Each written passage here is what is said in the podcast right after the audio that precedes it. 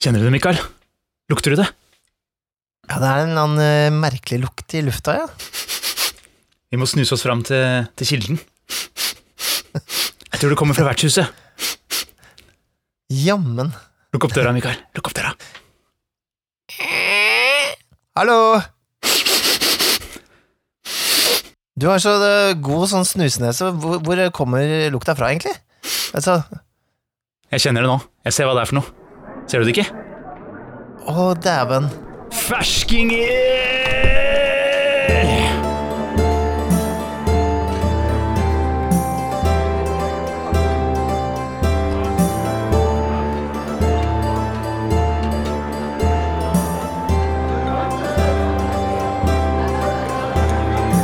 Hei og velkommen til Vertshuset.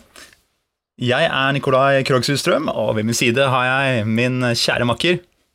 Mikael Stensen Solien. Ja, Det er det første gang vi har sagt hele navnet vårt eh, på podkasten, egentlig. det kan hende Det er uvant. at det er premiere Det er på episode 21. Da kom det. Ja, da kom det. Ja. Så nå er, nå er det katta ut av sekken. Ja, men eh, fy faen, det er så deilig god stemning det er her, selv om det lukter litt fersking i, i vertshuset her i dag. Stemmer det? Ja, fordi du har jo med deg forloveden din her i dag. Det har jeg. Ja. Og hun kan jo introdusere seg selv. Ja, hallo. Jeg er ferskingen, tydeligvis. Så jeg håper jeg lukta godt, jeg vet ikke. Ja da. Jeg kan ikke si noe annet. Nei, ikke sant? Kan ikke, Det var iallfall en distinkt, distinkt odør, i hvert fall. Det er helt sikkert. Det er, det er en Jeg vet ikke helt hvordan jeg skal ta det, men uh, greit. uh, ja, jeg heter Stine. Jeg tror det holder med ett navn for min del, egentlig. Uh, jeg er da forlova med Mikael, ja, som dere Ja. Klarte å få fram. Det er jo Og det er en update siden sist du var med. Ja, det er, jo- Ja, det er det. Det er også en update. Jeg skal prøve å ikke snakke så jævla treigt denne gangen, som jeg gjorde sist gang. Uttrykket 'trege trønder' eh, ble bekrefta da. Jeg trenger litt treg trønder også her, vet du. Ja. Men eh, du, er jo, du er jo ikke fersk for podkasten, for du har jo vært med en gang før. Men uh, du ble kalt fersking nå fordi du har eh, vært spilleder for første gang siden sist vi snakket eh, sammen. ja, det stemmer. Det syns jeg, jeg, var litt interessant. Da. Vi, har, vi har hatt noen prater om det, men tenkte vi skulle liksom få det liksom på podden. Da. For min del så er det så lenge siden jeg var fersk, så nå syns jeg det er så spennende å høre fra noen som har prøvd å spille det for første gang. da. Mm. Ja, det var en opplevelse. Mm. Var det, had, eh, var det Mikael som på en måte dytta deg inn i det, eller var det på en måte bare oppdaga du selv eh, at du hadde lyst til å prøve på det, eller hva var det som trigga at du ville være spilleder? Nei, jeg, jeg var jo egentlig sånn Jeg tenkte jo liksom at må, jeg må jo prøve det også. Man må jo prøve, prøve det meste her i livet, egentlig. Men eh, jeg var jo på eh, Arkon i fjor. Ja, Mm, Det kunne jeg sikkert snakka om det en stund nå, men jeg tenker ikke å gå inn på det. Men eh, der var jeg også på sånn spilllederkurs spillederkurs, da. Som var kun for eh, jenter. Å ja, det ble arrangert et eget spillederkurs kun for jenter. Så fint, da. Mm. Det var jo Kristine Vean som har vært innom podkasten, hun også, eh, Ja. med, den Risk-episoden vi hadde. Så hun holdt av kurs, da. spilllederkurs. Spillederkurs. Åssen var det det funka? Det var egentlig bare det egentlig å dukke opp der trigga litt at jeg fikk lyst til å gjøre det, fordi det var typ fem, Vi var fem stykker eller noe sånt, tror jeg. Det var veldig få deltakere. Så det ble litt sånn, ok. Men jeg har jo Vi, vi spilte jo eh, den ene spillederen vi hadde Der var jo jenter også, så det var jo Det var ikke Mm. det at det var mangel eh, på det, men eh, det, det vil selvfølgelig virke som det er et lite overtall av menn som gjør det. Ja. Ja, det er vel litt sånn klisjeen, det, da. Uh, uh, men jeg syns jo Ja, det er jo en sånn ting Jeg har sikkert pusha litt på det òg, for jeg tenkte liksom at du er, kunne være bra spilledermateriale, holdt jeg på å si. Var det sånn, var det det du så da det, før dere ble sammen og forlova og sånt? At du bare Eller ble sammen der. først, og så bare Hun er faktisk spilledermateriale, ja. ja. Det er bare, bare kjøpe ring. Ja, det var derfor. Det var dagen etter spilleda første gang, så da gikk han ned på knær. Ja, Det er et lite tips til dere jenter der ute. Ja, ikke sant? Hvordan uh, hooke den uh, Hvordan reel it in, liksom.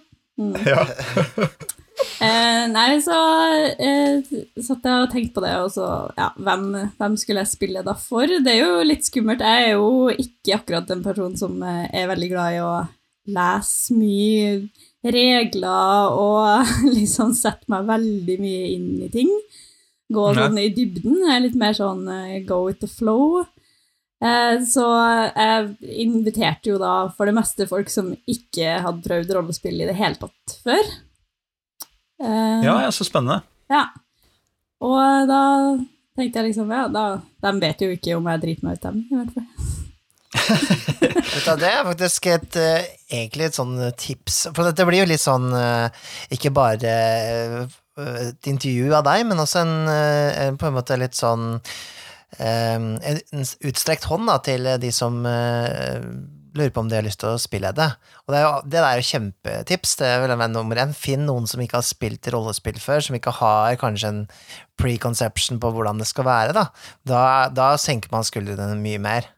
Ja, det vil jeg absolutt tro. og det kan jo være ganske intimiderende hvis du skal spille det første gang med noen som f.eks. kjenner settingen veldig godt, eller har spilt akkurat det spillet tusen ganger og kan reglene utenat og sånt, så man ikke har den friheten. Ja, ikke sant? Ja. Eh, det var litt eh, begge deler. Jeg vil anbefale det for, for, liksom, eh, for å roe nervene, men eh, det blir, blir jo litt vanskelig også når eh, de har null konsept for hva som skal skje, da. Det endte jo på en måte opp med å bli litt mindre av selve rollespillinga. Eh, sånn som jeg liker det, og sånn som jeg er vant til at vi spiller sammen. Det, med, det, det var liksom folk De, de torde kanskje ikke helt å leve seg inn i rollene. da. Det ble litt mer snakking rundt bordet. Eh, Type spilling, hvor jeg på en måte Jeg ga opp litt sjøl også på, på, på å spille ut uh, NPC-en. Hvor jeg liksom bare mer sånn Ok, han ringer dere, og så forteller han dere det og det. Det, det ble litt mer sånn etter hvert. Ja, ja. Men det er Hvilket, jo hvilket spill var det dere spilte, da? Vi spilte Vampire. Vampire the Masquerade? Uh, ja. ehm, nå har jeg glemt hva The, Mur The Murderers, eller et eller annet Monsters, Eh, eller Ja. Monsters, er det. Ja. Mm. Og det er et ferdigskrevet eventyr. Mm. Så det, du hadde da satt deg ned og på en måte lest over det, eh, og visste litt om på en måte, det eventyret og settingen, og så hadde du spilt det tidligere. Ja. eh, så da hadde du liksom Om du ikke kunne alle reglene, så visste du på en måte sånn cirka hva det gikk i med rulling og sånt nå. Ja, så, sånn cirka. Det, det, Ja. også, det, jeg kunne i hvert fall fake det nok til å, at det virka som jeg visste hva jeg drev på med. Eh, og så hjelper det jo mye at eh, den, eh, den ene bokhylla her er liksom stappa full med vampire-materiale. Så eh, da hadde jeg jo liksom en screen og alt med den informasjonen jeg trengte. Ja, så you, you looked the part, med andre ord. Ja. Det, det ble litt mer sånn Ja, nå har vi jo spilt det en del på grunn av eh, denne koronapandemien her nå, så har vi jo spilt det mer eh, gjennom uh, Roll20. Og der mm. det, det tror jeg kanskje hadde hjulpet ganske mye hvis man skulle ha spillet da første gang, fordi der eh, Da trenger du ikke å tyde terningene. Og i hvert fall når på en måte dem du, eh, dem du spiller med, alle har spilt akkurat det spillet. To av dem hadde spilt eh, det og det før, men, eh, men når alle på en måte bare sto sånn Ok, jeg kasta det her. Ok, la meg Skal vi se. Ja, du fikk uh, Yes, jeg skal bare sjekke hva som står her. Altså, det Det blir kanskje litt bedre flyt i det da, hvis man eh, bruker det programmet, fordi da, da sier den liksom om det var suksess eller failure eller liksom uh, bestial failure og sånne ting. Mm. En ting mindre å forholde seg til, da. Mm. Det er jo kanskje ikke Vampire det aller beste spillet å, å spille med helt ferske heller, sånn sett. Mm. Kanskje. Det er jo, det er jo um, det, er, det er ganske innvikla, egentlig, til, et, til at det kan være et sånn nybegynnerspill, da. Ja, jeg måtte jo bruke litt tid på starten på å liksom forklare dem hvordan den verden var. Jeg, jeg spurte jo liksom sånn, ja, er dere noe kjent med hva, hva er liksom deres forhold til vampyrer, på en måte? Og da var det liksom Nei, jeg har sett Twilight, da. Og så jeg bare ok, glem alt du har sett. ja. Hva syns du ligner mest på Vampire-universet, da? Altså Hvis man skulle anbefalt eh, noe å se før man spiller det? Jeg ville anbefalt ikke å se, men å lese True Blood-bøkene. Lese True Blood-bøkene. Mm. Ja, hvis man vil ha noe liksom bare veldig sånn lett og, og liksom Ja, det, jeg syns det er ganske mye like regler og sånn, da, for, for verden Mm. der. Eh, der er jo vampyrene ut, så alle mennesker vet jo at de finnes. Men, eh, Mm. men liksom hva som, hva som gjelder og sånn for eh, Ja, du vil kanskje ikke være så evil som jeg vil egentlig være når jeg spiller vampyr, da. Så det var litt å prøve å stoppe dem fra liksom å bare si sånn Ok, dere bør prøve å finne en annen mulighet. Dere må finne andre muligheter til å løse det her enn å liksom bare drepe alle dere kommer over, da. Det er DD-metoden, det. Altså, when all else fails, så er det bare å trykke på murder-knappen. Ja. Det er ikke noe verre enn det. Ja, men eh, interessant. Så du sleit litt Jan, også å kanskje få den rollespillopplevelsen da, ja, som du kanskje craver selv, da. Hvordan var det sånn i gruppa? Følte at eh, liksom, det var noen der som got it, liksom? Virkelig liksom eh, så lyset med å spille rollespill for første gang? Eh, ja, definitivt. Eh, altså, hun ene tok jo vi eh, med oss videre, tenkte jeg å si. Eh, Det hørtes kanskje feil ut. Men eh, vi hadde jo vi, eh, Mikael spiller da et spill hvor eh, det var meg og hun og typen hennes, da. Så eh, det virka som hun eh, virkelig got into it. Det ble en veldig bra spilling, det.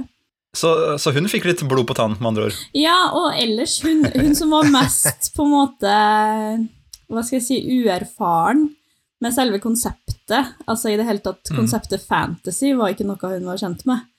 Hun ville egentlig bare bli med fordi Å, gøy å prøve noe nytt, da. Men hun var den som rollespilla mest. Ja, men det er kult. Sikkert fordi hun spilte en uh, Toriador, da, så det, var, det er jo litt lettere å liksom bruke looks and charms og alt sånn for å eh, løse mysterier. Kanskje mer Ja, enn eh, makt. I hvert fall i en oneshot one-shot så er det kanskje, syns jeg det er en fin eh, plan å ha, da. Fordi ja, du kan, du kan få ting gjort som ikke nødvendigvis eh, handler om eh, vold og ja, litt lettere å ikke bli oppdaga i den snike greiene man driver på med. Ja, Man kan snakke seg gjennom rollespillingen. Ja. Og det er jo også veldig kjekt når man eh, har ferske, ferske spillere, kanskje. Mm. Et, eh, et, en annen ting som er sånn, eh, nesten litt sånn teit å spørre om, men jeg, jeg finner det litt interessant også. Det er sånn at du, dette var jo Du spilte jo med bare jenter. Mm. Det var jo en ren jentegruppe. Hadde det noe å si fra eller til, eller? Nei, egentlig ikke. Vi, alle, vi jobber alle sammen sammen, da. Ja. Så det her var jo mer sånn noe- det, Og det ble jo på en måte en greie med at alle de andre jentene på Jeg jobber bare med jenter, da. Eh, så det ble jo liksom eh, mer sånn at ja, flere på jobb Kan jeg være med neste gang? Kan, kan vi få prøve neste gang? Så hyggelig. Så det blir jo kult. Så jeg får jo prøvd meg flere ganger. Den her krisa stoppa det jo litt opp, da. Eh, For det er jo litt det med å samles også, som er, det er litt koselig, da. Mm. Vi er veldig glad i å henge sammen etter jobb, hele gjengen. Så. Så det ga kanskje mersmak eh, som en, um, som en typ hyggelig måte å samles på, og rett og slett bare istedenfor å bare ta en pils? Ja. Ja. Egentlig. Altså, så jeg hadde jo egentlig forberedt Vi skulle jo egentlig spille en gang til med noen og bytte ut noen, bare litt sånn scheduling issues, men eh, jeg skulle jo prøve å kjøre et kultscenario også. Og nok en gang da, så går jeg for et som jeg har spilt sjøl, så Det er kanskje en greie at eh, sånn at jeg kan eh, Hvis jeg går tom for noen ideer, så kan jeg bare stjele det den som spilleder for meg gjorde når jeg var en spiller. Mm. Det er jo ikke så dumt, da. Faktisk, Da har du jo på en måte en full godtepose med ting du kan ta tak i der, som du husker fra din forrige spilling. Mm. Vi gjør vel Ja, for jeg gjorde jo det egentlig også nå som vi har spilt eh, eh, egentlig et scenario fra Chicago by Night-boka til Vampire, eh, The Sacrifice. Den er vi jo nå Begynner vi å oppsummere litt eh, med den kampanjen vi spiller sammen. Og der har jeg hørt på en podkast eh, hvor de har spilt en scenario der. Og det har Mm. hjulpet meg veldig mye, fordi at det, den podkasten går jo utafor eh, det som eventyret beskriver. Sånn at eh, ved å høre på den podkasten, så har jeg også eh, fått med meg hvilke fallgruver eventyret har, da. For det har alle eventyr har jo noen fallgruver. Det er vel sånn derre hvor du noen ganger uh, kjører et eventyr, så bare tenker hvorfor, hvorfor har de ikke tenkt på dette her? Hvorfor har jeg ikke tenkt på at spillerne kanskje gjør det her? Det er umulig å skrive for alt så, også, da. Så det er jo Ja. Jo, jo. Folk har jo så mange forskjellige spillere. Men det var litt morsomt uh, i det, det Vampire-scenarioet som jeg kjørte, så var det sto det veldig mye sånn der Ok, da, hvis de gjør det her, så skjer det. Hvis de gjør det her Det kan hende at de velger å bare gjøre det her. Eh, hvis de velger å gjøre det her, så kan du bare skippe hele den sida her, og sånne ting. Og det var jo veldig Det hjalp jo veldig. Men så sto det også noen sånne ting eh, Hvis de gjør det her Nei, det gjør de ikke. Så dum er de ikke. Så sto det rett og slett. Og jeg bare Ok, vi får se, da. Men jeg tok det også som en litt sånn Ok, jeg bør kanskje hinte litt til at de ikke burde gjøre det, da. Nei, gjorde de det? Nei, nei, nei. Det, Nei, ok, så bra, det, var, det var egentlig eh, litt morsomt, for når, når vi spilte, så, så gjorde vi akkurat det samme også. Vi unngikk også hele, nesten hele et sånt dobbeltside med, med ting fordi vi valgte å ikke slåss mot en sånn gjeng med mennesker, da. Ja, Mm. nettopp. Og de også på en måte tok det samme valget, så jeg tror nok at det har, de har noe for seg, de tingene som står der. Sånn der, ja, de kommer mest sannsynlig ikke til å gjøre det. Bare, ja. Hvordan var det å, å, å på en måte forberede seg til et eventyr, altså til spillingen, og hvordan var det å på en måte memorere et sånt eventyr for deg, da? Jeg er jo, jeg vil si at jeg er ganske dårlig på forberedelser generelt. Eh, Det er litt som liksom eh, en prøve på skolen. Så jeg hater å sitte og lese til en prøve. Jeg er mer sånn her ja, vi møter opp, så ser vi hvordan det går. Og så går det stort sett greit, på en måte. Mm. Not to brag, but I'm kind of smart now. Men jeg, mer eh, jeg merker at det var liksom Jeg prøvde å forberede meg veldig. Jeg, det var jo på engelsk, så jeg prøvde jo å oversette noe av det til å, sånn før jeg starta, sånn at jeg var litt klar for å liksom slippe å sitte og oversette alt i hodet mens, eh, mens jeg drev på. Enkle enkelte ganger så ble jeg bare sånn Jeg bare sier det her på engelsk, for det går ikke an å oversette til norsk. Og så eh, Men likevel så var jeg bare sånn Åh, shit, jeg følte meg veldig uforberedt uansett. Det tror jeg nok det man alltid vil gjøre, egentlig. Mm. Eh, det, altså, jeg har jo kjørt noen eventyr flere ganger, sånn som for eksempel det der Cthulhu-eventyret eh, vi snak, på en måte snakka om i stad. Det hadde jeg kjørt allerede én gang, og da, da føltes det så mye mer eh, sånn Nå vet jeg liksom Nå kan jeg det. Jeg har internalisert det, eller hva det heter for noe, eh, ganske godt. Men jeg tror hver gang man kjører sånn eventyr, egentlig som spilleder, så er det jo alltid den følelsen av ikke være 100% forberedt. Det er bare hvordan du håndterer å være uforberedt, som på en måte avgjør hvor, god Ja, spilleder, hvor god spilleder man blir, da. Ja, Hvis du, hvis, du bare, hvis du kan eh, finne på et eller annet i farta, så, så er man good. ja. Og da kanskje det hjelper nesten å være litt uh, ikke være 100% forberedt, fordi da vet man at man skal finne på noe i farta uansett. Så da har man litt, den, eh, har man litt det i bakhodet. Ja, jeg tror man lett kan være litt sånn overforberedt. Men det merker jeg som spiller også, at jeg har planer som bare Altså, jeg har jo ingen kontroll over hva som skal skje, som kan bli sykt frustrerende. Så jeg prøver liksom å gi litt slipp, men så samtidig så bare Men karakteren min må jo også ha noe mål, eller noe, noe Altså, jeg må jo ha et eller annet å, å gå etter, så jeg vet hva slags Hva jeg ville ha sagt eller gjort i en hvilken som helst situasjon, da. Ja. Eh, men eh, det, det var litt sånn jeg, jeg følte at jeg kanskje leda dem litt eh, På en måte i tonefall og sånn, når jeg sa sånn Å ja, dere skal gjøre det? Ja. Ja, dere, dere kan jo gjøre Og så bare Da ble jeg litt sånn eh, Kanskje vi burde vurdere noe annet også. Ja, det ble litt mer sånn, da. Be, Mm. Ja. Så når, folk, så når spillederen da gjør det der, så skal man ta et hint. Ja, det har jeg aldri gjort. Men, men det Til er jo frustrasjon for mange en spilleder. Men det er jo, det er jo ofte et tips som pleier å være i, i, som i, i rollespillbøker, at uh, det er greit hvis det er nye spillere, og så faktisk lede dem lite grann, da, altså gi dem en sånn liten pekepinn, for at det er jo litt sånn der, hvis du ikke har spilt før også, så er det jo Du, du aner jo ikke på en måte hva eh, grensene er, ikke sant? Du, du, du har ikke helt den forståelsen av, av, av konseptet helt, nødvendigvis. Så det kan være greit i starten å lede litt, sånn Kanskje det kan være smart å undersøke biblioteket etter noe informasjon? Mm. Ja, jeg Ja, ja, det går an å bruke sånne grep, ja. Men samtidig så er det jo, dukker det opp veldig mye gøy da, når man ikke gjør det. ikke sant? Da kan det dukke opp eh, Plutselig så har man, hvis man er en erfaren rollespiller også, kan man plutselig ha en helt annen eh, spillsession enn man noen gang har hatt, bare fordi det er skikkelig frislepp på kyra. Ja, og så merker jeg at det, det var både fordeler og ulemper med å ha spilt, eh, spilt det samme scenarioet sjøl. Eh, fordelen var jo at jeg hadde da på en måte litt å gå etter, og visst Det var litt lettere å, å vite hvordan det på en måte skulle slutte. Eh, fordi, ja, jeg trengte liksom ikke å sitte og lese veldig hardt gjennom historien, for jeg huska litt av det sjøl også. Eh, men ulempen ble jo at eh, jeg begynte jo å, å mikse litt.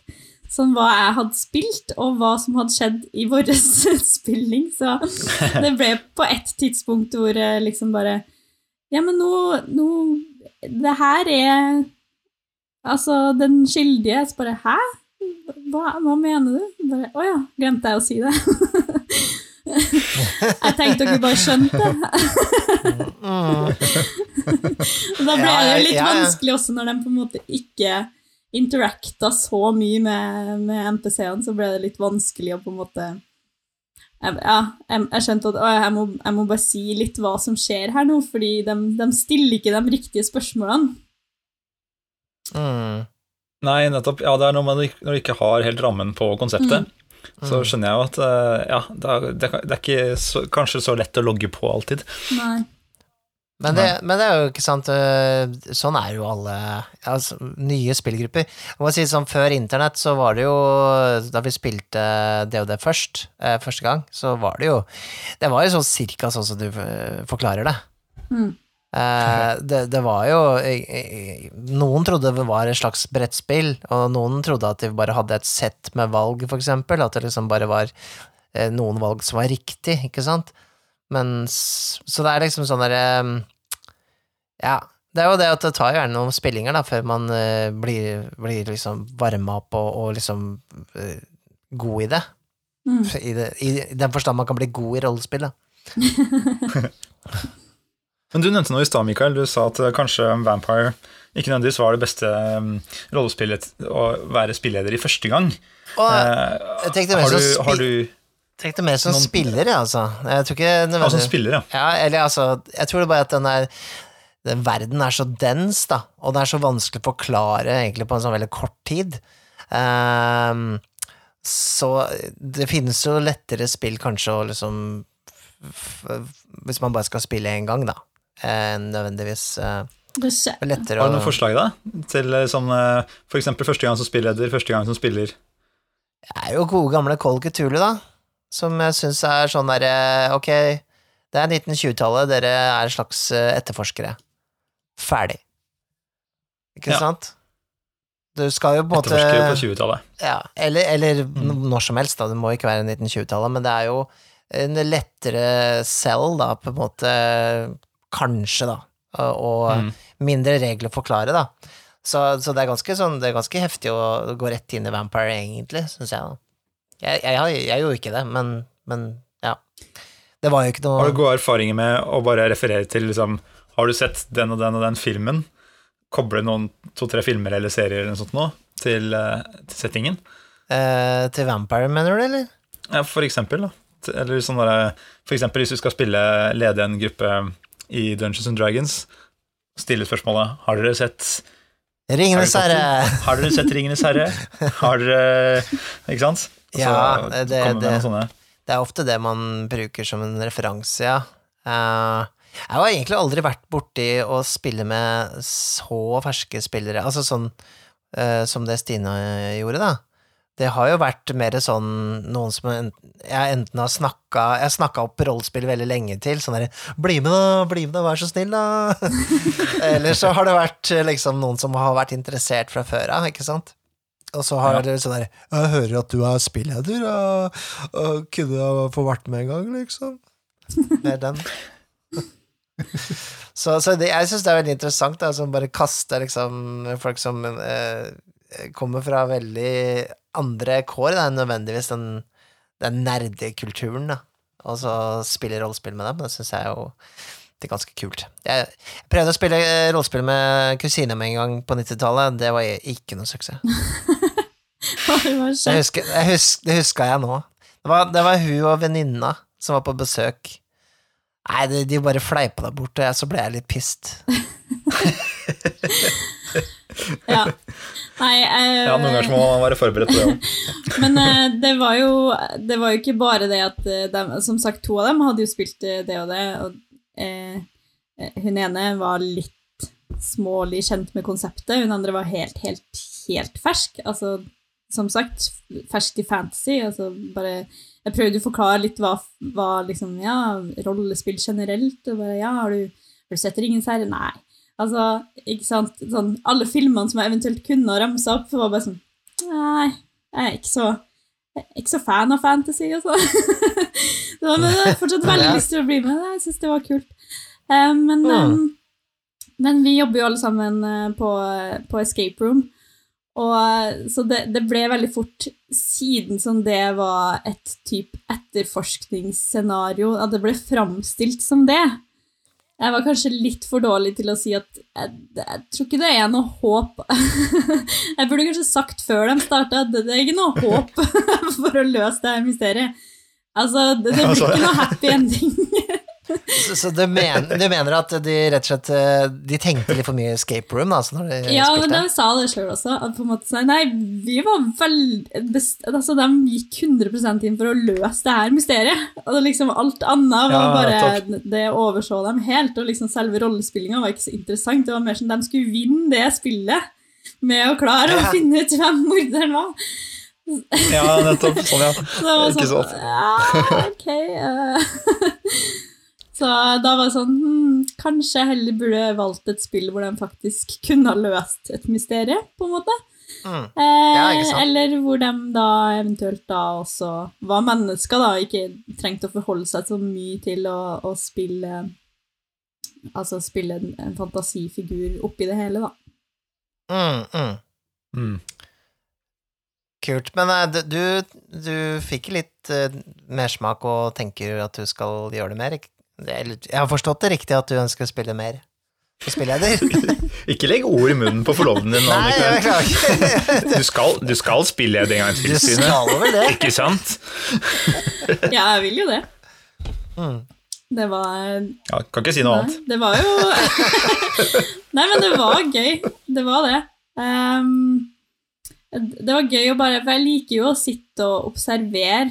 Jeg kan jo fort bli litt sånn Hvis, de, hvis det skjer noe veldig kult rundt meg i, i spillet, så kan jeg bli veldig sånn Jeg, jeg blir litt sånn observere litt mer og glemme litt at jeg er med i det sjøl, på en måte. Eh, Så det var jo litt nice. Bare sånn her, ok, hva, hva vil dere gjøre nå? Og så bare sitte og se på hva de fant på, var jo litt spennende.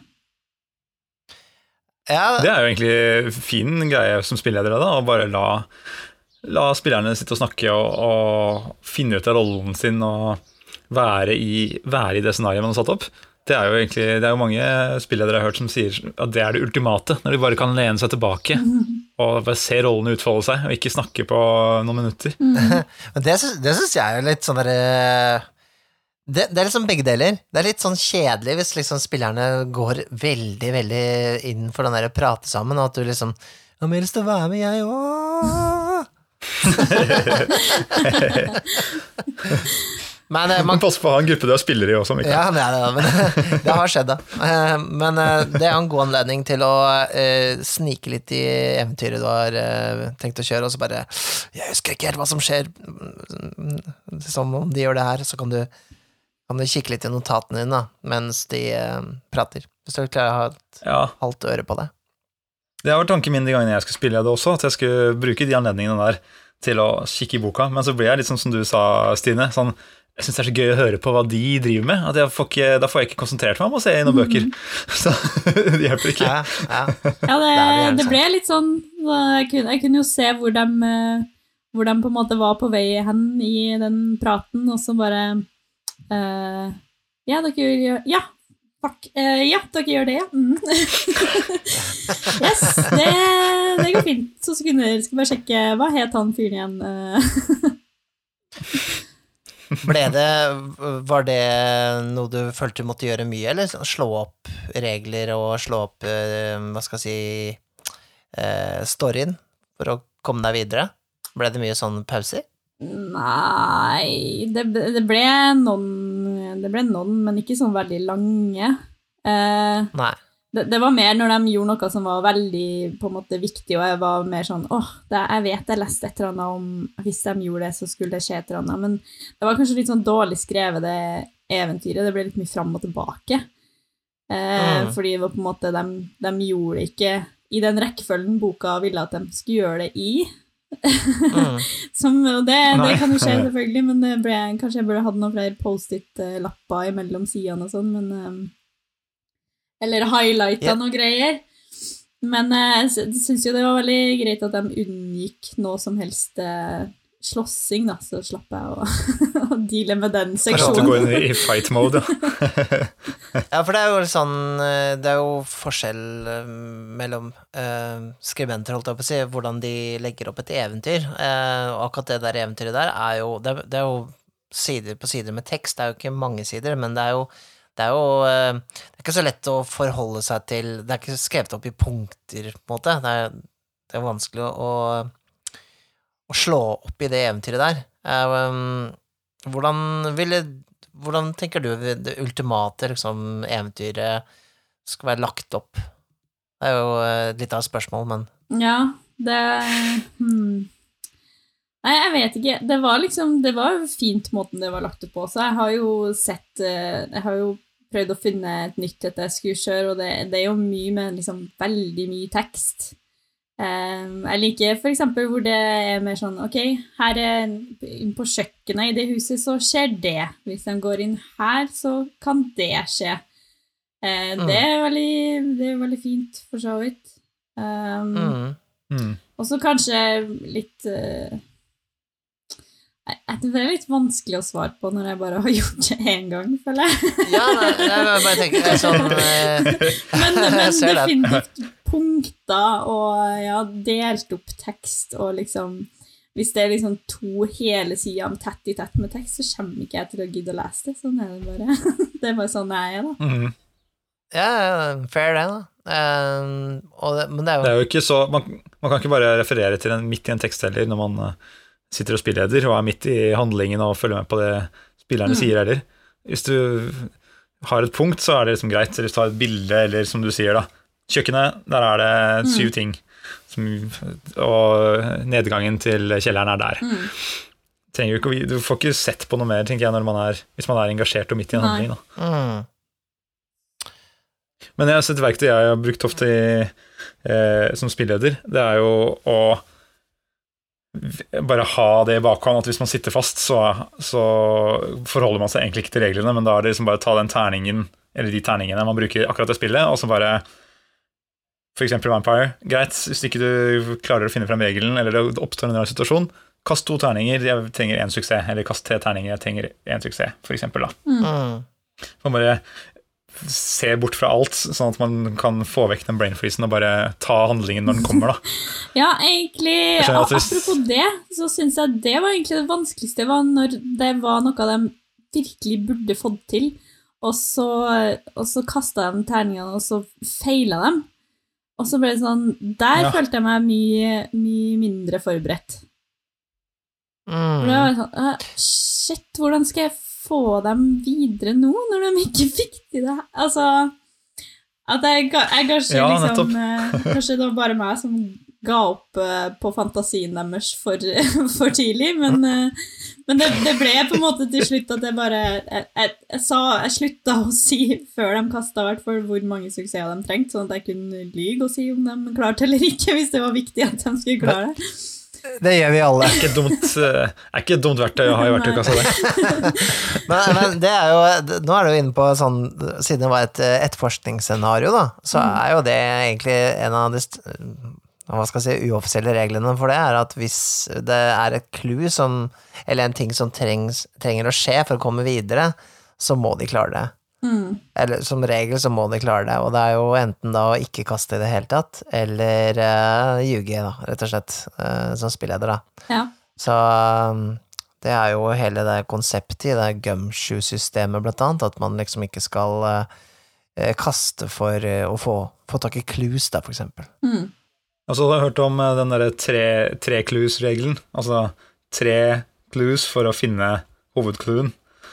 Sånn at du, samme hvis du ikke klarer den første, så har du liksom et par andre i backup. Mm. Derre, ok, du feila det, men dere, dere klarte ikke kastet deres. Dere falt utfor brygga. Men nedi vannet, der ligger det jammen meg og flyter en flaskepost med instruksjoner til hvor, til hvor det skal Du gå. er ikke så dreven på disse etterforskningsgreiene, du. Nei, men eh, det, det, ja, men det er sant. Jeg har jo eh, jeg, jeg tror det at, iallfall i mitt hue når jeg spiller sånne type scenarioer, så er det jo at jeg har inni huet hva de må vite, eller hva de liksom og så kan det hende at det bare dukker opp i en helt annen scene, fordi jeg syns det passet, på en måte. Men det kom, vi kommer fram til samme målet, da. Altså, eh, om jeg legger inn et clou et annet sted, ikke sant. Det merker jeg at jeg gjør hele tida. Men det, det kan jo være et problem hvis de ikke skjønner hva clouet de har fått er, heller, da. Eh, fordi Ja. det var jo også noe det sto i det scenarioet, så sto det sånn Ok, eh, nå har de funnet det og det, så da har de skjønt det og det. Og jeg bare «Eh, Det virka ikke som de har skjønt det!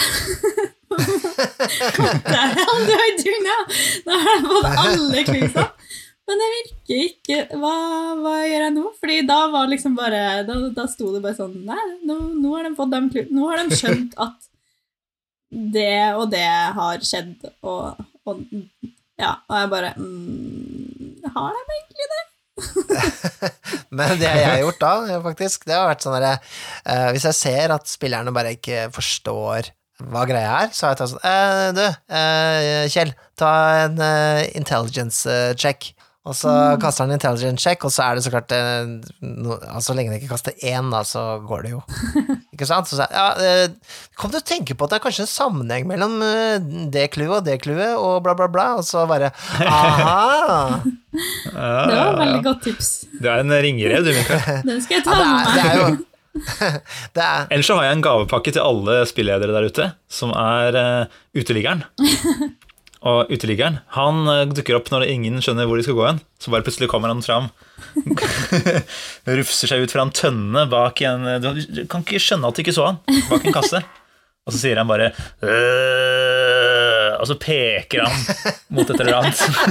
Og så forsvinner han igjen. Men altså bare, ah, han uteliggeren pekte mot det huset der, kanskje vi skal gå dit?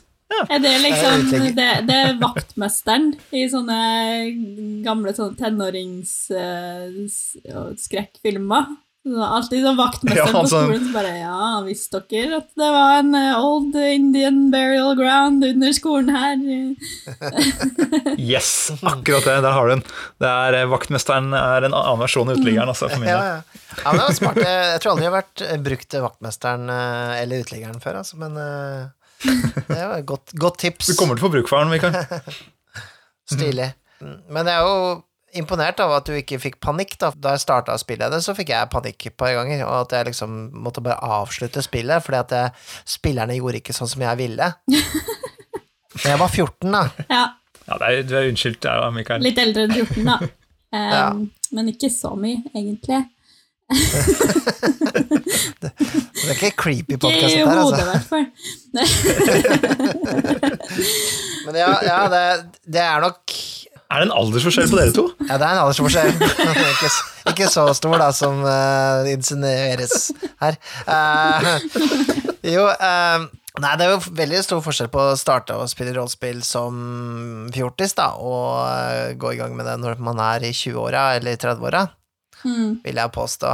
Man er jo litt mer moden. Men samtidig så er det jo, hvis du gjorde sånn som Stine har gjort, da, og har en hel gjeng med folk som aldri har spilt før, og kommer fra helt andre erfaringer enn andre settinger, så kan man jo plutselig uh, gå inn i fjortisstadiet igjen, på en måte. Eller sånn Man er i en setting man aldri har vært i før. Plutselig sitter rundt et bord og skal spille skuespill. Det er jo noen som ikke har, har gjort det i det hele tatt. Mm. Ja. Mm.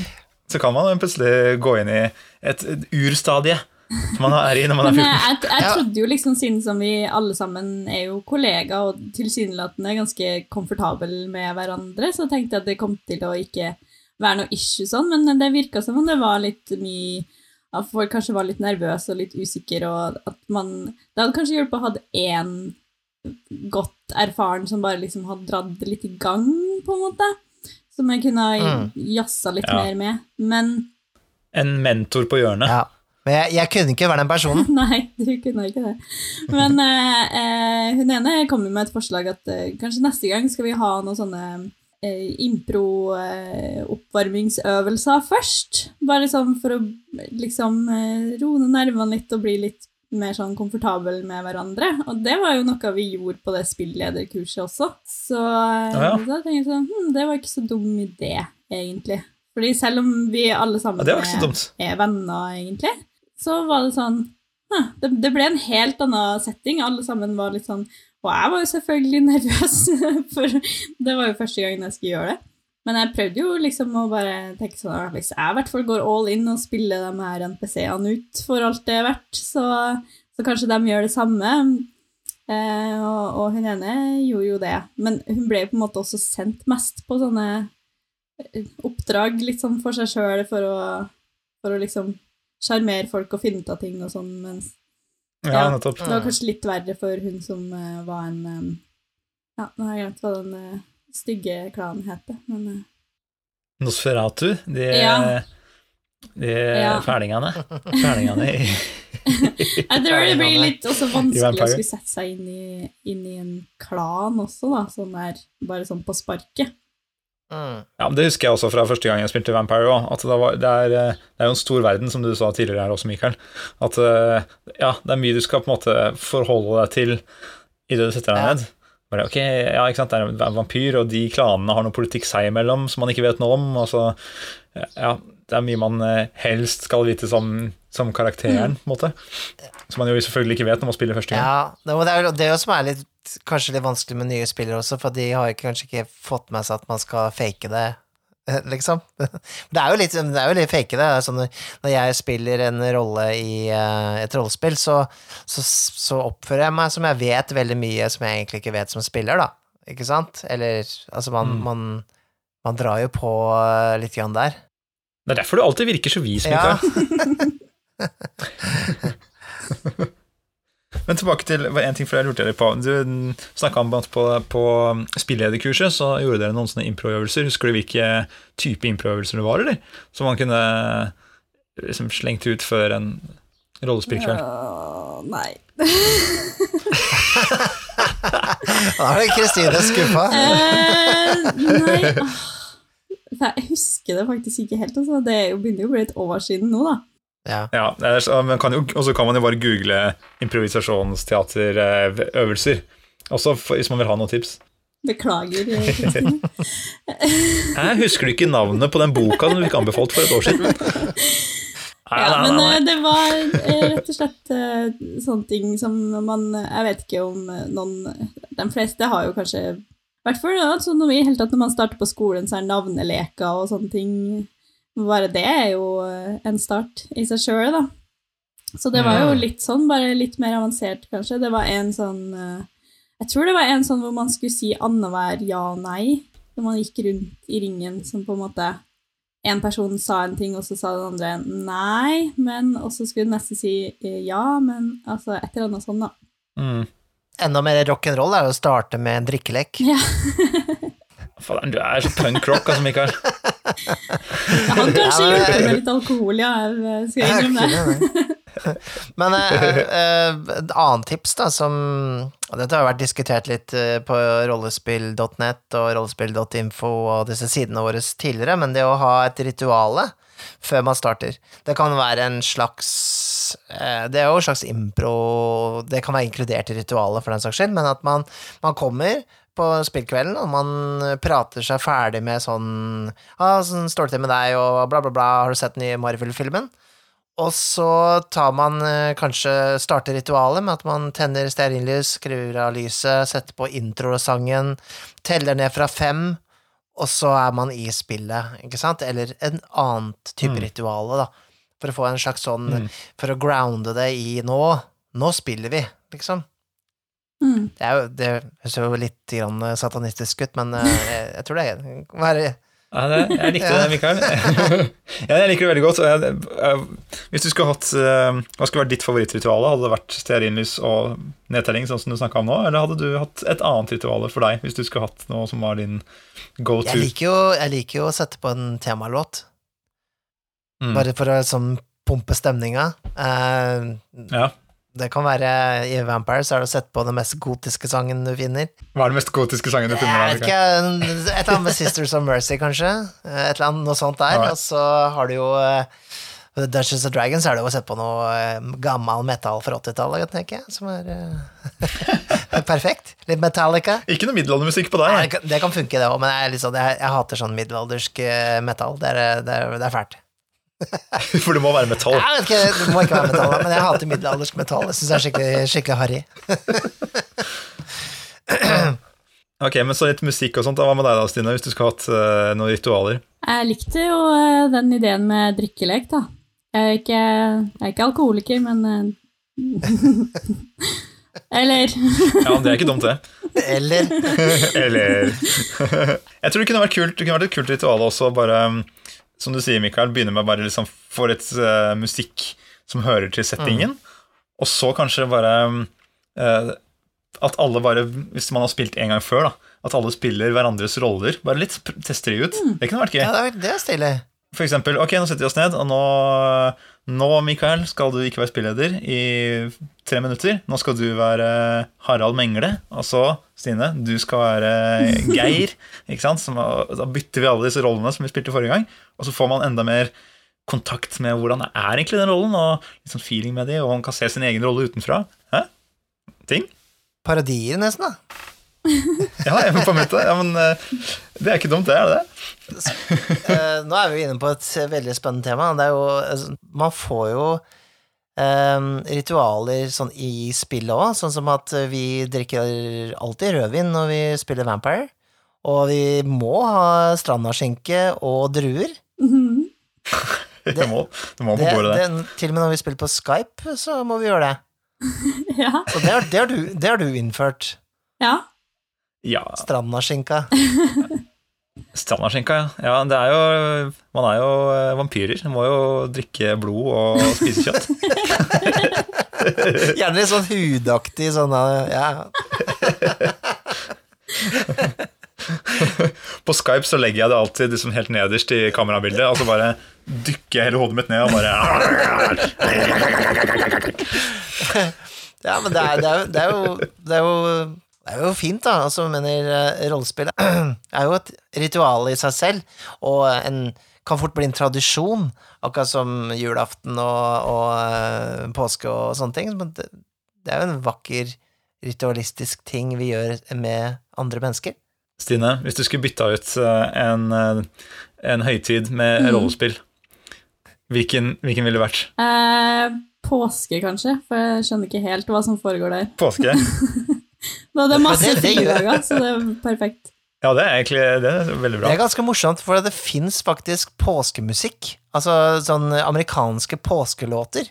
Men det er veldig forvirra sjanger. Det er liksom eh, For de vet ikke helt hva de skal synge om, så det, så det blir alltid om eh, påskeharen og egg og liksom sånn skikkelig sånn dårlige låter. Det jeg føler jo kanskje at det, det riktige svaret sikkert er halloween, da, siden som vi spiller mest eh, horrorspill.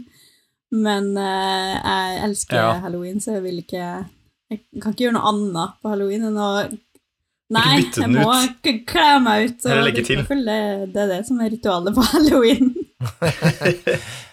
Men jeg sier kombiner, for jeg har spilt Vampire på halloween eh, med masse drikke, og det, det ble noe. Mhm. Alle kler seg ut som eh, Halloween-spillinger er veldig gøy. For eksempel. Uh, vi har jo et sånn vanlig segment her, Uh, uh, og det er jo Hva er det segmentet, uh, Nikolai? Ja, det mener jeg ikke. Vent litt, da.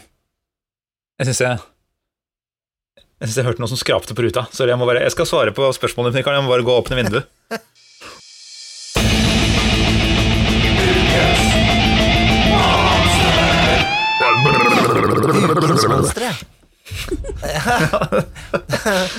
Fy fader. Hver gang, altså. Aldri forberedt på Ukens monster. Men nå, nå, nå tenkte vi at Stine kunne bidra med Ukens monster. Eh, hva skal vi snakke om i dag? Nei, jeg syns jo vi, vi er jo allerede inn på et slags tema i podkasten her allerede, så jeg tenker jo at det kan være vampyrer som er ukens monster. Å, vampyrer. Hæ? De kommer jo i så mange forskjellige valører. Mm. Ja, det Jeg sier ikke nei til det. Hva er liksom Hva er erkevampyren, da, Ja, det må jo være eh, Dracula. Ja. er sjølveste Dracula. Hvordan ser liksom Dracula ut for deg, da? Jeg, jeg føler at han har blitt portrettert på så mange forskjellige måter. Nei, han eh, ser, eh, han ser litt eldre ut enn enn de andre, men fortsatt Fortsatt en kjekk fyr. en kjekk En mann. kjekk mann. Jeg, jeg syns jo eh, eh, liksom eh, Vampyrer, altså er de, er de egentlig monster? Eh, fra et eh, kanskje et eh, kvinnelig perspektiv, så er, er jo det vi blir mata med der, eh, kanskje litt annet enn en, at de er monster eh, per se. Ja, en romantisk og Mm. misforstått skikkelse. Ja, nettopp, ja. Det er lett å falle for den. For det er litt uh, Altså, i DOD så har du uh, heter Strad von Zarovic fra Ravenloft-settingen. Han er jo litt sånn Dracula. Han er jo da en sånn kjempemektig vampyr som kan absolutt alt, og liksom Du skal ikke prøve deg på å ta han før du er liksom levela opp til mye. Og det er forskjell mellom hvordan vampyrer er portrettert i forskjellige rollespill, da. De pleier å være ganske mektige, gjør de ikke det? Er, er det noen eh, rollespill som du vet om hvor de bare er skikkelig sånn uh, cannon fodder? Og Thin Bloods i, i uh, Vampire, da, som er litt sånn uh, sveklingvampyrer som eh, Som man kan eh, denge litt rundt. Ikke sant? For man spiller da Man spiller de mektige vampyrene selv, og så fins det masse sånne halvvampyrer, måte, eller sånne eh, nesten Ja. mennesker, som man kan denge. Jeg tror liksom ikke det er Jeg tror For det meste så er, er jo vampyrer liksom I andre rollespill enn Vampire, så er det liksom De er veldig monstrøse. Altså mer som sånn der litt advans, avanserte zombie, nesten. Litt Mm. sånn som man eh, har i, i, i liksom gamle skrekkfilmer, da. Ja, At de er mer beist enn Ja. eh, en intelligent vesen. Sånn Det sett. enten det, eller så er det sånn Dracula-type, da. At de er sånn kjempemektige, da. At det bare er sånn Mm. boss-fight. Så Ja, men jeg kan, jeg kan se for meg altså, Hvis man møter på en vampyr i det og det, så er det mer sånn Ja, der er et monster vi skal slåss mot. mm. Mens eh, så er det jo noe helt annet i Vampire. Og så eh, liksom popkulturen generelt, så blir de jo framstilt ganske forskjellig også. Jeg vet jo at du ser mye på Buffy for tida, men Buffy the Vampire Slayer har jo, eh, har jo også et eget rollespill, da. Og der er det jo ikke helt sånn som i, i Vampire and Masquerade, for eksempel. Eller er de det? Er det mye av det samme? Uh, jeg, vet, jeg er ikke kjent med det rollespillet, men hvis du tenker på selve serien, så ja. Nei, det, det er veldig avhengig av, eh, av hvor de vil at plottet skal gå, rett og slett. Det, det ok. virker som om eh, Det virker som om det er mer sånn Det er alltid én litt mer intelligent, eh, og resten er bare mer sånn der eh, Army, mer sånn.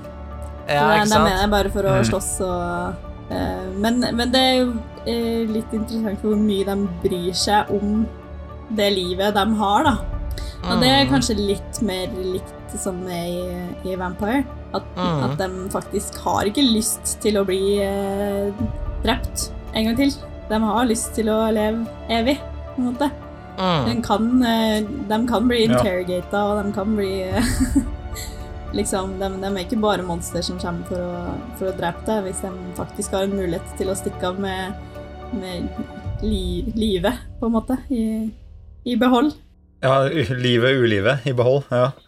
Jeg syns jo det er en veldig interessant Det er en interessant type, på en måte. Den derre Du har det evige livet, men du, du er eh, også bor i et fengsel hvor du må livnære deg av blod og kun bevege deg om natten.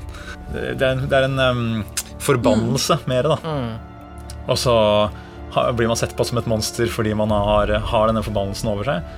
Det er jo ikke interessant å dykke ned i, i materien der. Men det er litt sånn karakterer man kan spille i Vampire også. Den første jeg spilte i den første Kampanjen. kampanjen, takk, den første kampanjen vi spilte, så Mentorpoeng til deg, Mikael. Eh, da var jeg jo en vampyr som ikke ville være en vampyr, som var veldig pissed over å ha blitt gjort om til en vampyr. Eller kanskje litt sånn som du er nå i den nye kampanjen vår. Eh, Ja, kanskje verre for deg, da, siden som du Stemmer. ja. ja, veldig Men vittig. ehm, eh, Mens nå spiller jeg en vampyr som elsker å være vampyr, og vil bruke det til sin Mm. fordel. uh, For det var jo da en person som var ond i utgangspunktet, før hun ble gjort om til en vampyr. Nettopp. Så bare skled godt rett inn i den rollen som vampyr. Ja, for det var jo litt den derre den eh, i- I Vampire, da, så så, ehm, så går det litt ut ifra at du ønsker å være snill, da, eller prøve liksom å slåss mot de, de vampyriske instinktene dine. Mm. Eh, så det er nesten litt vanskelig å spille liksom en ordentlig slem vampyr. Iallfall i den nyeste utgaven. Mm. Men så har du jo da, iallfall i gamle Vampire, da, så hadde du Sabbat. Det var jo de derre De som på en måte prøvde så hardt de kunne å ikke være mennesker. Og jeg har aldri spilt en Sabbat-kampanje, men jeg har hørt at det kan bli ganske eh, ille. Da er det om å gjøre å være Ja, det er- evil, eh, de, voldelig de har liksom et ja, annen mm. type Det er mer som i Buffy, da. Det er den type vampyrer som liksom nesten liksom prøver å være mest mulig jævlig. Mm. Har du spilt eh, eh, dataspillet Dungeon Keeper? Uh, jeg Hvor man uh, Er dere to? Av Jeg har spilt en gang i hvert fall, for lenge siden. Nei. Ja. Det er jo, der skal man være Man er en stor demonherre, og så skal man prøve å slåss mot eh, man, ja, man styrer demoner og troll og sånt noe, og de skal ta de snille ridderne da, måte, på Ja, stemmer det. Ja, det er jo veldig gøy. Men det blir jo, eh, hvis man spiller det som et litt sånn humorutgangspunkt, så er det tenker jeg det er den beste måten å spille det på.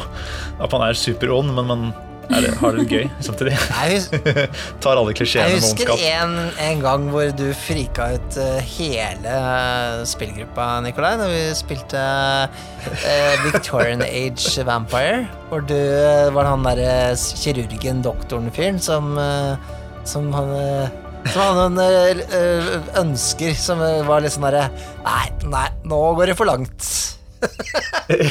Ja, da spilte vi vel sabbatvampyrer Nei, òg? jeg tror ikke det. Jeg tror du bare var litt eh, syk i huet. Jeg kan godt hende. Jeg trenger ikke å nevne det på direkten hva det var, altså, men det, det var litt sånn at vi andre bare satt igjen sånn Åh, ok, greit. Nei, man, man må benytte anledningen til å utforske noen, eh, noen spennende Merk settinger. Det er jo en film vi lager her. Mørke sider av seg selv. Ja, ja det, det er jo interessant. Um, eh, Sider av Ja. karakteren, Mikael. Ikke sider av meg selv. kan, vi kan jo faktisk avslutte litt grann på det, da. At eh, en ting som vi kanskje ikke har nevnt så mye, er jo noen av oss som er litt gamle, som uh, aldri har eh, tenkt så mye gjennom det, men når man spiller med nye folk, så er det jo også litt sånn at man må passe litt igjen for uh, kanskje å ikke Ikke gjøre det ubehagelig, da. Uh, med altså passe på at folk faktisk er komfortable når man spiller, da. Det har jo eh, rollespillverden blitt litt mer klar over i de siste åra, egentlig.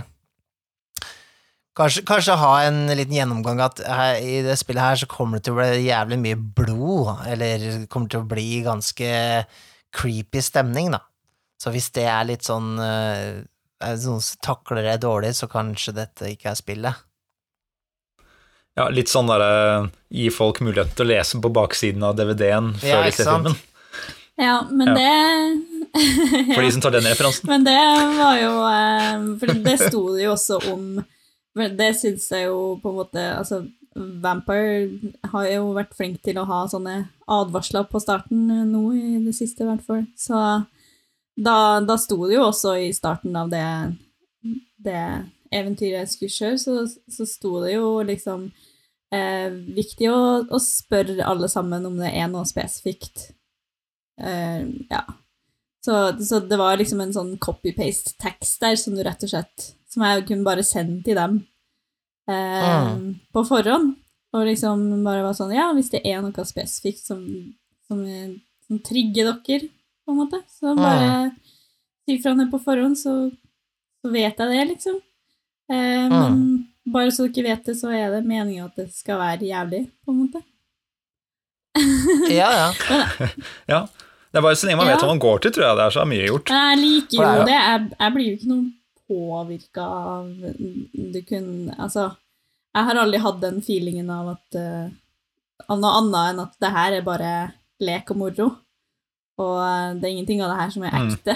Og litt Ja, det, det man sier og gjør, det, det trenger ikke å ha noen ting å si for hvem du er som person. Det, du er jo bare en karakter. Um, Mm. Nettopp. Og hvis man går litt på kanten nå, så, så er det jo er ikke det man husker godt av, det som er litt måte, som skaper en opplevelse. At man liksom tester ut litt og grenser av Hvis man får en sånn ja. rundt bordet, så er det egentlig det jeg kan leve meg inn i det, men jeg, trenger jeg blir ikke påvirka av det et, i ettertid. Nei. Det er jo forskjell på folk, da. Så det er jo Mm. sånn Jeg har jo faktisk gjort den blunderen der. Uh, jeg, I Vampire, faktisk. Uh, da vi skulle spille det en gang, og uh, da hadde vi med ei som ikke hadde spilt det før.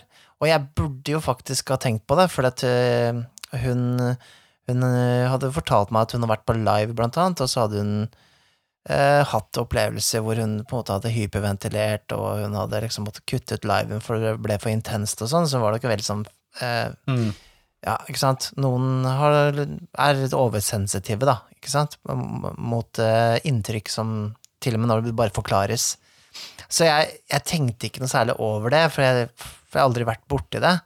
Så jeg, i det scenarioet så var det en sånn at eh, de måtte De møtte en sånn vegg med hvor det var sånn, Dette var jo sånn, sånn demonverden, da, så det var jo masse sånne overkropper som var sydd sammen. og så lå det et sverd foran der, og eneste måten å komme seg liksom gjennom til neste side, liksom, del av spillet, var å hakke seg gjennom, da. Og jeg, jeg dro på med forklaringer, ikke sant, eh, og den greia, så bare ser jeg liksom blikket hennes, og ser jeg at hun bare Ikke sant? Og bare jeg, Og så, så mister hun liksom helt Ja, altså hyperventilerer, og da måtte vi liksom avslutte spillet, da. Jeg husker ikke om vi avsluttet der, Mm. eller om vi, vi liksom snakka det gjennom og, og fortsatte, men med litt sånn mildere tone. Men det er jo ikke noe gøy, da, Mm. å på en måte utsette noen for, for noe sånt, da. Um, Nei, det har eh, da, da, da skulle man kanskje gått gjennom mer eh, baksiden ja, av DVD-en først, ja. et annet problem er jo at Mm. jeg, tror for eksempel Det er mange som ikke vil inn, eh, kanskje innrømme at de syns sånt er ubehagelig, ikke sant, for man skal jo være litt tøff og sånne ting. Så det å, det på en måte, å si fra på forhånd at det er greit om jeg vil spille Du kan si 'jeg vil spille på den måten her', er, vær ærlig, liksom. Sånn Mm. eh, Er dette noe for, for deg, eller ikke?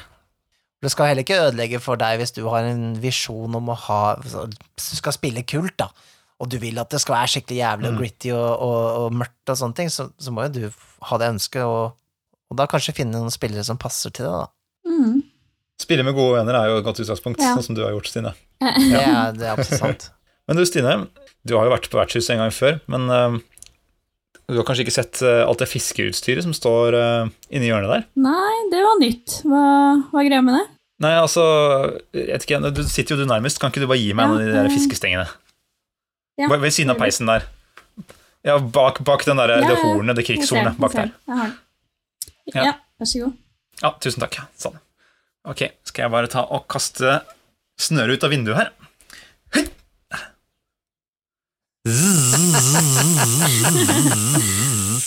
Oi! Oi! Ja, men, se her hva jeg fiska opp fra rollespill.info. Her har du sett. Her er det, her er det jammen meg en post fra Skal vi se. Da åpner jeg opp eh, papyrusrullen her. Ah, her, vet du, er det Thomas Syrstad Ruud. Han har skrevet Eventyr, kolon. Hit er det ikke meningen at gruppa skal gå, så derfor er området bevoktet av en horde med altfor tøffe monstre. Eventyrgruppe, Hvordan? Dette området er bevoktet av en horde med altfor tøffe monstre, så det er sikkert meningen at vi skal bruke all vår tid og krefter på å prøve å komme oss gjennom her. Ja. Så vi har jo nesten faktisk vært inne på det allerede i denne sendingen, Ja. eller i dag. Så vidt det her. Det er sånn den derre Hit skal det ikke gå. Vi, vi smeller opp eh, sju drager her.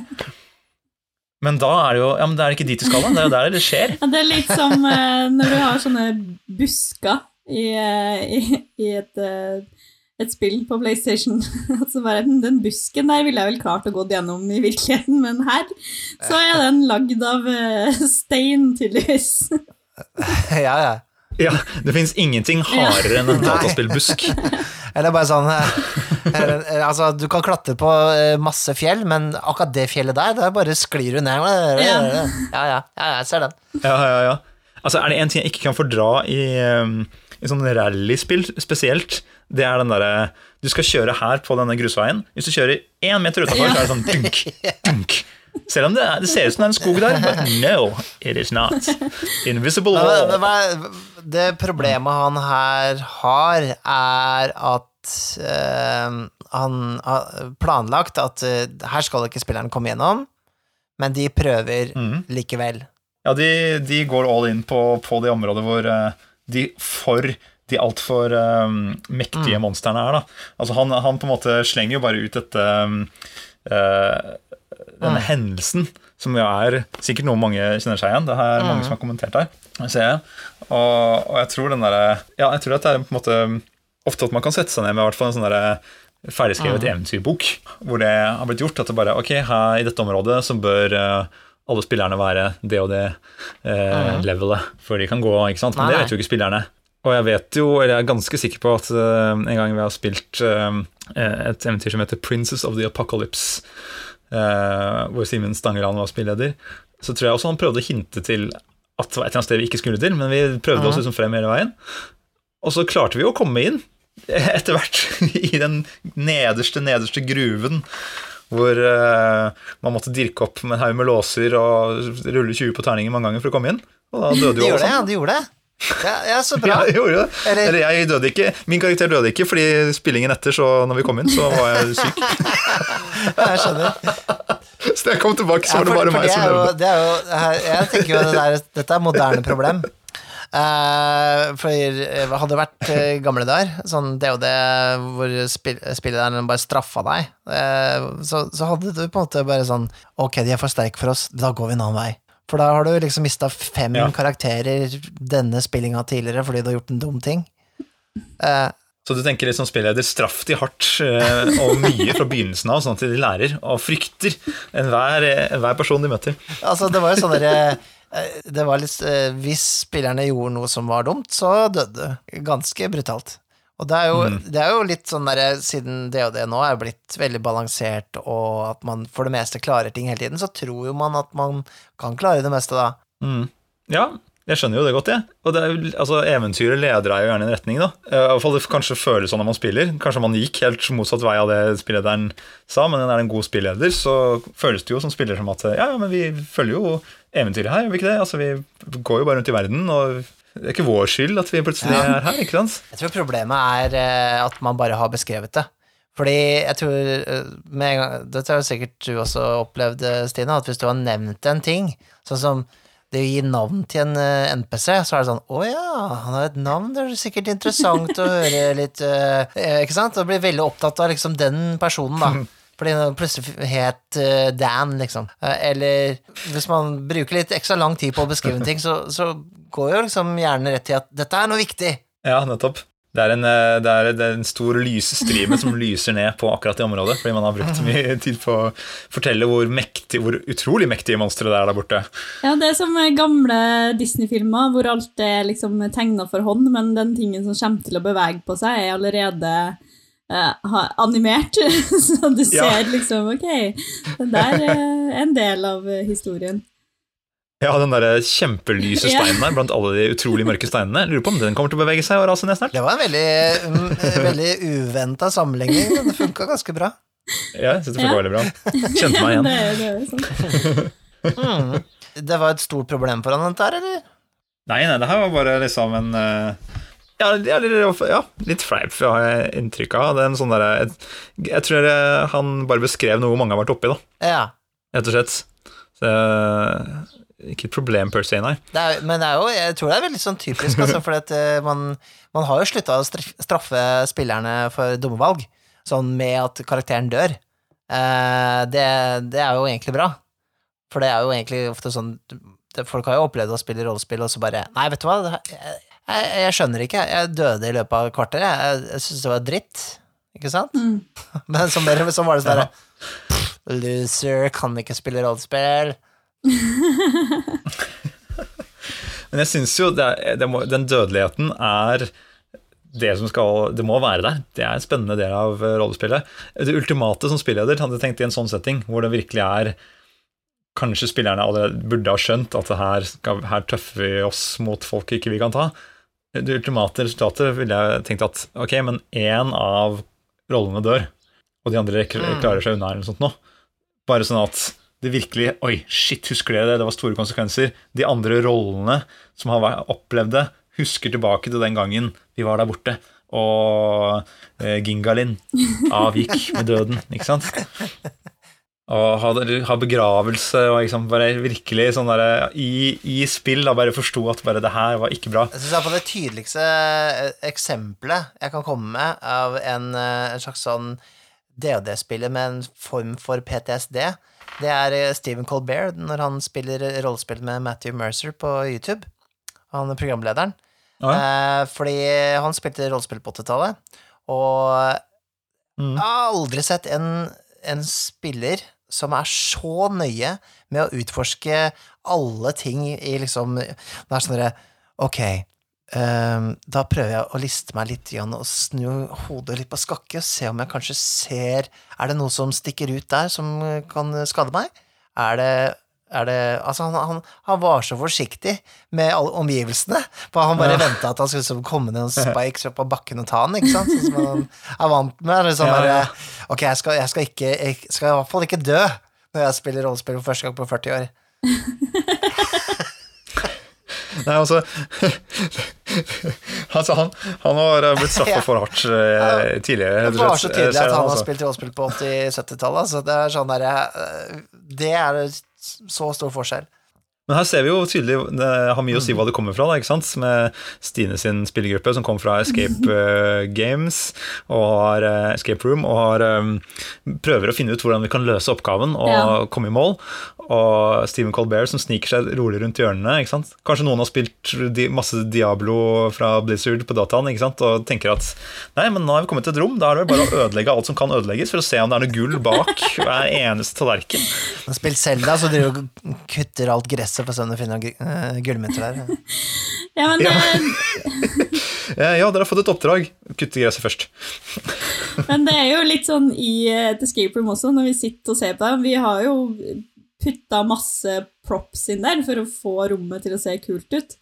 Og da kan det jo også være eh, litt Mm. som, et, som i et rollespill, når noen henger seg opp da i en ubetydelig NPC. At noen liksom bare finner en strekkode eller et serienummer eller noe sånt på en av de gjenstandene i det rommet, og så bare Ok, den her, den her tallene skal vi bruke til noe, og så bare ah, Nei! Ja. Den, det serienummeret sitter fast i det, kunne vi ikke gjøre noe Kan du drite i Altså ja, At man kanskje har oversett liksom at oh shit, det er noen tall på den her stikkontakten vi satte inn. Det var dumt. Ja, Ja. det må vi male over til neste gang. Men vi, får vel nesten, eh, vi må jo nesten runde av snart. Nå har vi jo holdt på her i 1 time og 20 minutter. Oi. Ja, Det er jo så koselig her inne på vertshuset. Men dere skal vel hjem til, eh, til forlovelsens uh, suite? Skal dere ikke det? Oppe i tredje, femte etasje? det var på veldig koselig her, da. Vi vurderer kanskje å ta bryllupsreisen hit.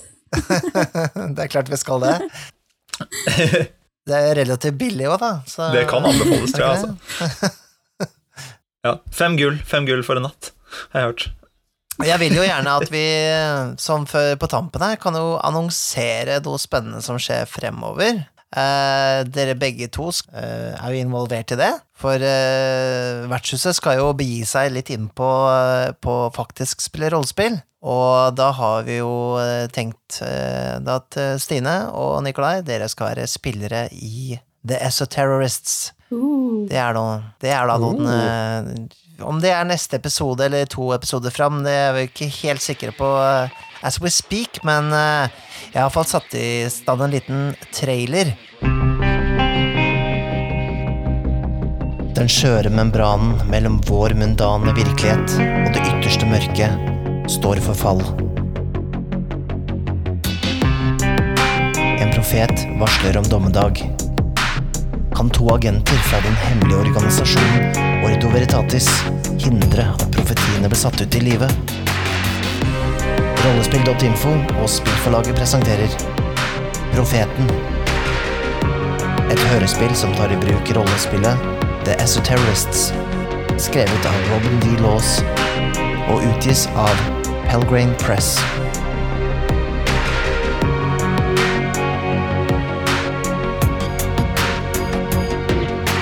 Hovedrollene finner du Nikolai Krogsrud Strøm og Stine Gust Wilman.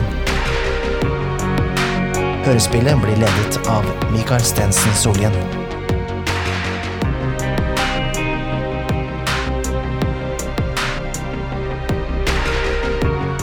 Kommer snart.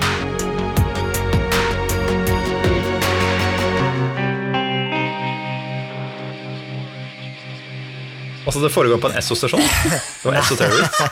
Det gjør ikke det, men uh, dette vil bli forklart senere.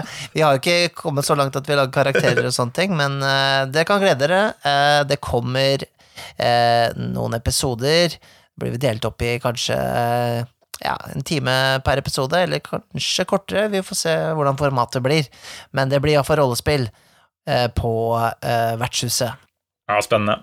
Og takk til alle som um, hører på oss.